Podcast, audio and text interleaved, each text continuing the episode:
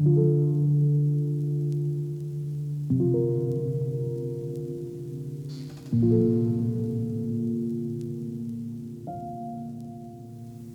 lyssnar på Parafraspoddens Mellansnack 1. Denna gång med Mattias Martinsson. Mattias är musiker, låtskrivare, lovsångsledare och förkunnare. Han jobbar nu på Räddningsmissionen men har jobbat som pastor i Göteborg Vineyard och som föreståndare i Nimbuskyrkan Öckerö. Här är några av Mattias tankar kring Lukas 15 och den förlorade sonen. Hejsan Mattias! Hej Rickard! Hej, jag tycker det är så kul att få växla några ord med dig om Lukas 15-texten om den förlorade sonen som jag vet att både du och jag faktiskt tycker väldigt mycket om. Ja, det stämmer. Eh, och då undrar jag lite bara så då, vad, vad, vad, har den här texten för plats i ditt liv? Eh, för det första så är det väl någon av de liksom barndomstexterna som man eh, på något sätt lever tillbaka till med söndagsskola och de grejerna. För den, den var ju så lätt att återge på något sätt. Så dels är det nog det. Eh, men sen har jag märkt, ju äldre jag blir, är att, att, att eh, vissa texter får ett, ett, ett rosa romantiskt skimmer över sig. Mm. Eh, och och det, det har jag eh, med livets eh, verklighet och vardag på något sätt eh, skala bort lager på lager och då, då upptäcker man att det här är ju världens största lök. Det finns mycket tårar i den här.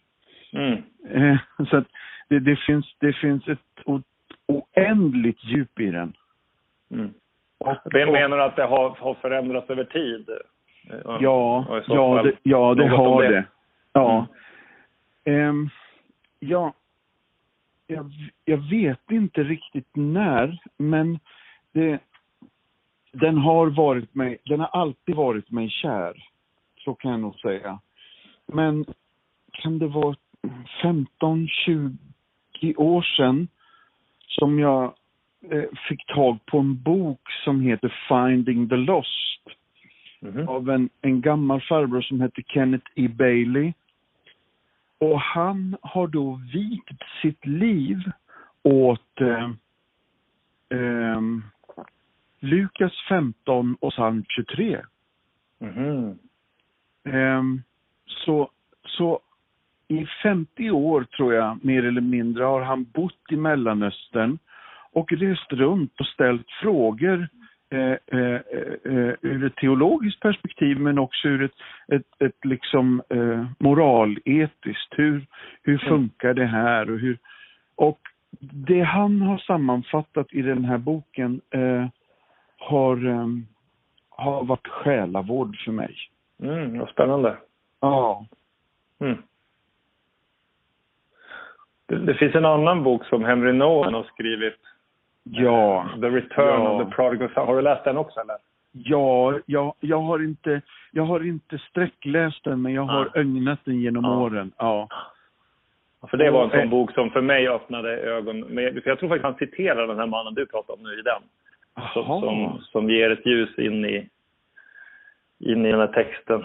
Ja. I Noels bok så är det ju mycket den här Rembrandts tavla av det här som eh, blev ett, ett en, en, stor öppning för honom att se djupen i den här bibeltexten. The Return ja. of the Prodigal Son. Ja, mm. och likadant får jag säga eh, Tim Kellers bok eh, eh, Prodigal God. Mm. Ah, inte eh, Vad spännande. Ja, den har också varit en kioskvältare i mitt liv. Mm. Verkligen. Mm. Ja. Vad, vad, vad, vad tycker du den här texten säger om oss människor?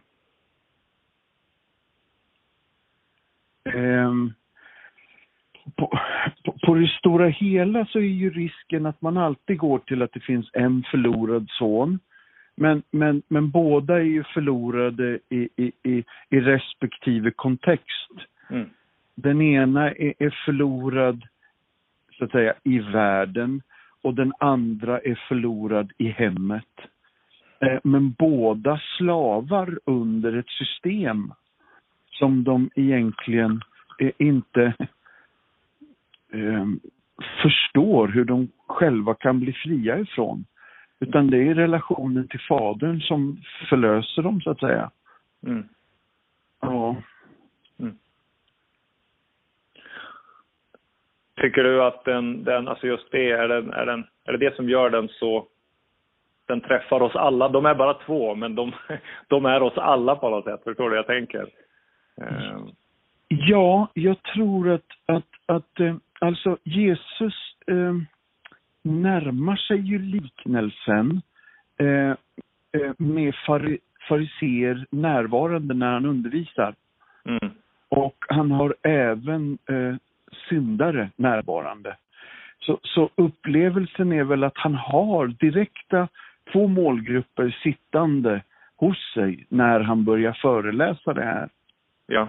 Och det verkar ju vara väldigt avsiktligt att han vill, jag på att säga, knäppa båda på näsan. Mm. Mm. Ja. Så svaret är nog ja. Mm. Ja. ja. ja.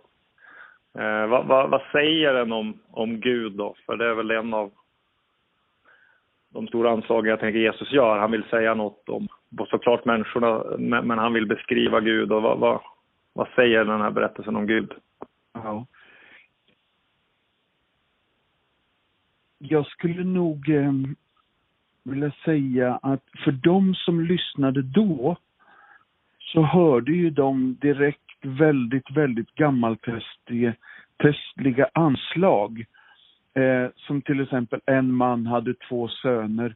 Ja, klockrent så, så börjar väl säkert Israels folk tänka på Jakob och, och Esau eller mm. eh, och, och sådär. Så, att, så att referenserna då var ju andra än nu. Eh, men eh, med åren så har jag eh, försökt att gräva lite kring vad den säger om Gud, för det var din fråga. Mm. Eh, vad säger liknelsen om Gud som far? Mm. Jag, jag skulle nog vilja tillstå att den säger jätte, jättemycket. Eh, för att det, det, finns ingen mor i texten. Eh, men jag uppfattar att Gud agerar både far och mor. Mm. Eh, han är både den här patriarken som väntar tålmodigt hemma.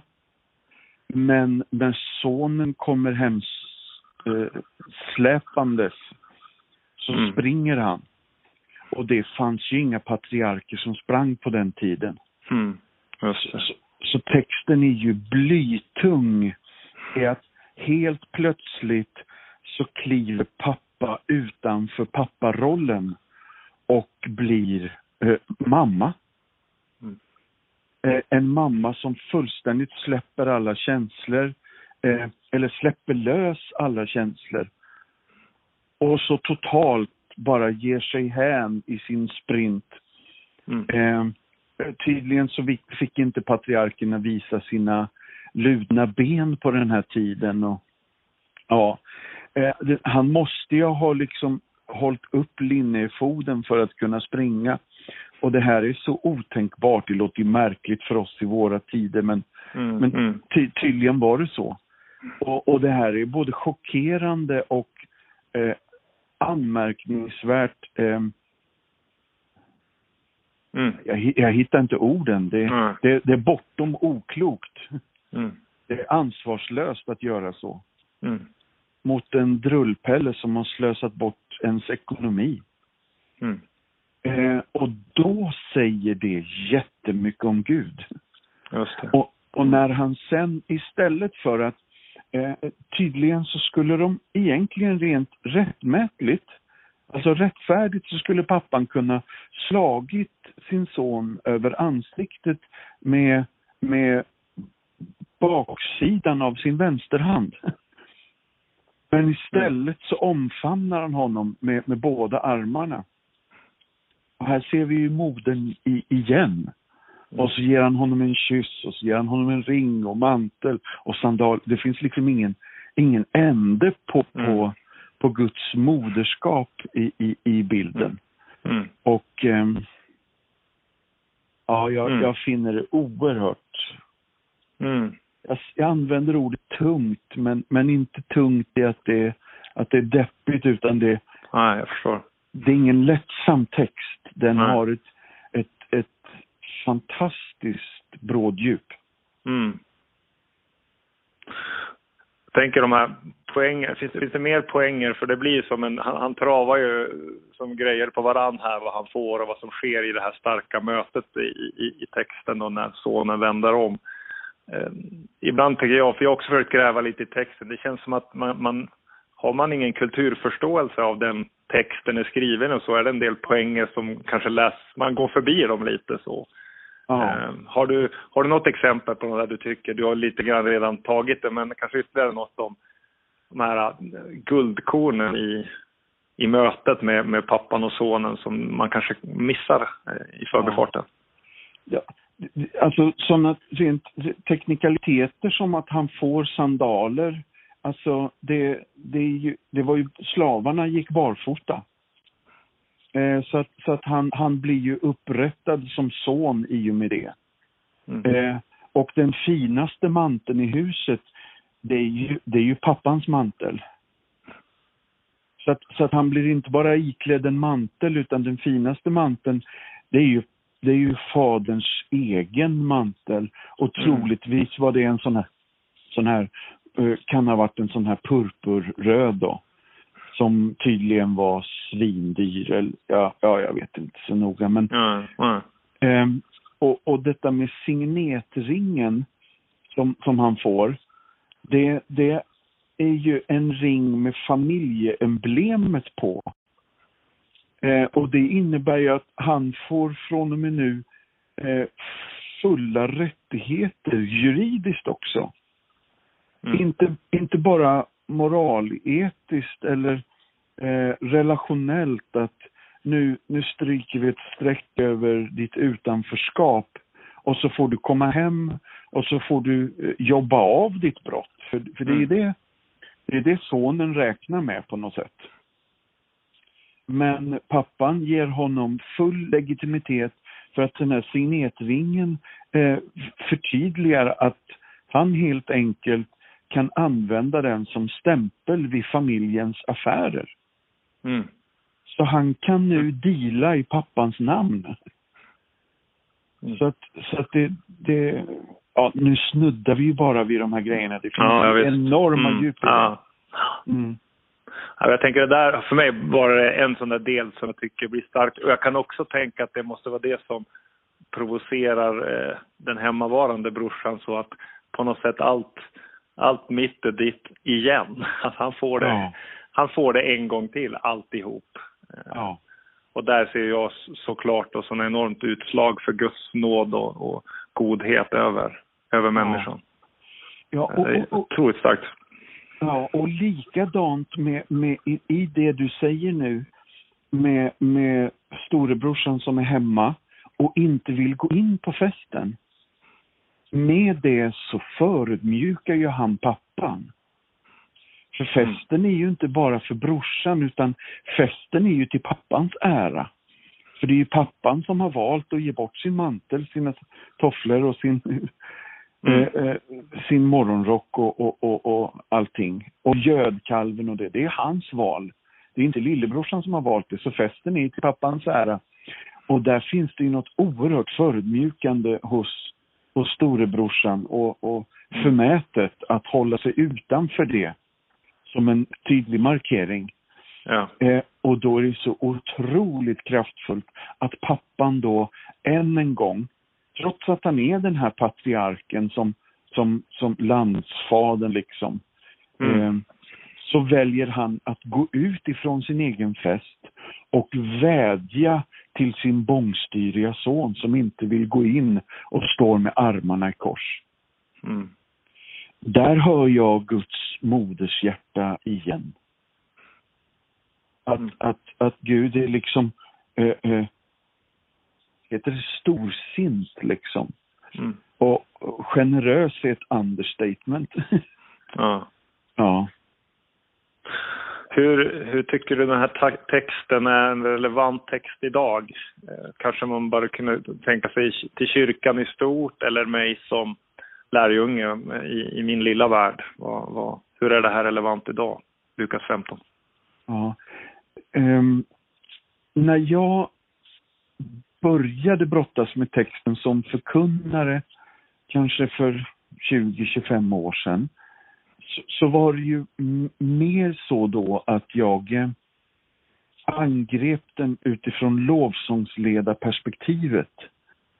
Mm. Um, och då, då vill jag minnas att jag fastnade, kan det vara vers 25 eller 26, eh, när när storebrorsan är på väg hem från åken så står det i texten, så hörde han musik och dans.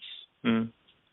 Och, och i 20 år har jag frågat mig, hur sjutton hörde han dans? Mm.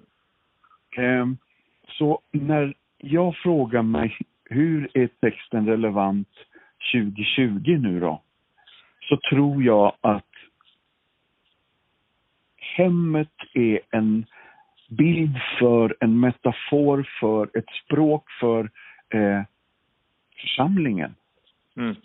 Där vi firar Fadern. Mm. Eh, där, där musik och, och dans präglar vår gemenskap för att vi är söner och döttrar i Guds hushåll. Mm. Eh, så jag skulle önska att kyrkan vågade återerövra festen och friheten mm. ja. och barnaskapet. Mm. Just det. Um, eh, och, och det här, nu sitter ju du och jag och pratar mitt i coronatider eh, och jag vill mena att, att tiderna till trots så är det, är det någonstans fest för att Gud är Gud. Mm. Och sen är det också fest för att han är god. Men mm. vi firar honom ytterst för att han är Gud. Mm. Bra. Och sen är han god också. Mm. mm. ja. ja. Så jag, jag, tror att den är, svaret är den är synnerligen aktuell i vilken tid som helst. Ja. Ja. Härligt, otroligt spännande att höra. Som du sa, vi, vi, vi skrapar bara på ytan av en text som är väldigt djup. Jag, min sista fundering till dig var om du vill dela något vad som genom åren har fördjupat din tro och din efterföljelse till Jesus. Du, du fortsätter följa Jesus idag och har gjort det i ditt liv. Vad, vill du bara kort ta någon, några inpass vad som har fördjupat din tro över tid? Många gånger har ju jag eh, tänkt att jag framförallt som yngre så ansåg jag mig ständigt och jämt vara lillebrorsan som fick komma hem och krypa till korset och säga förlåt och omvända mig igen och igen. Mm. Eh, men, och det här låter ju märkligt, men ju äldre jag blir, ju, ju mer märker jag till min, till min skam att jag, att jag är en storebrorsa. Mm. Så så istället för att liksom dela upp de här i två parallella spår och säga vi och dem, så har jag märkt att jag åker någon storslalom mellan, mellan båda de här ytterligheterna. Mm. Eh, och egentligen så tror jag inte att textens fokus är mig och vi och vårt eller dem och vi. Eh, utan jag tror nog att textens fokus är den fullkomliga fadern. Eh, så det, det, det, är inte en antropocentrisk text, den inte, har inte människan i centrum utan mm. den har ytterst Gud i centrum. Ja. Och när det, ju mer jag vågar landa i det och tro på det, ju mer själavård eh, ger texten mig. Mm. Ja, jag, ja jag, tror, jag, jag tror det är så. Mm. Mm. Ja, härligt. Kan du inte till sist bara säga, vad hette den här boken som, om mannen som hade levt och grottat i den här? Kanske någon som hör det här som vill eh, själv börja gräva på ett nytt sätt. Jag vill verkligen tipsa om The Return of the Prodigal Son av, av Henry Noen. Ja, Och du hade och läst något också? Det tipset håller jag med om. Eh, och den boken jag refererar till heter Finding the Lost eh, av Kenneth E. Bailey. Eh, och den är väl värd att rekommendera. Och han har, han har tydligen skrivit ganska många böcker i ämnet. Mm. Eh, och det, för att vara en, en teolog och en exeget så, så, så är han förvånansvärt lättläst. Och det ja. finns underbara gamla Youtube-klipp med honom på nätet. Ja, spännande. Mm. Yes. Bra. Mattias, tusen tack för att du ville vara med i Parafraspodden och prata om Lukas 15, texten om den förlorade sonen. Det var en ära att få vara med lite grann. Tack Rickard.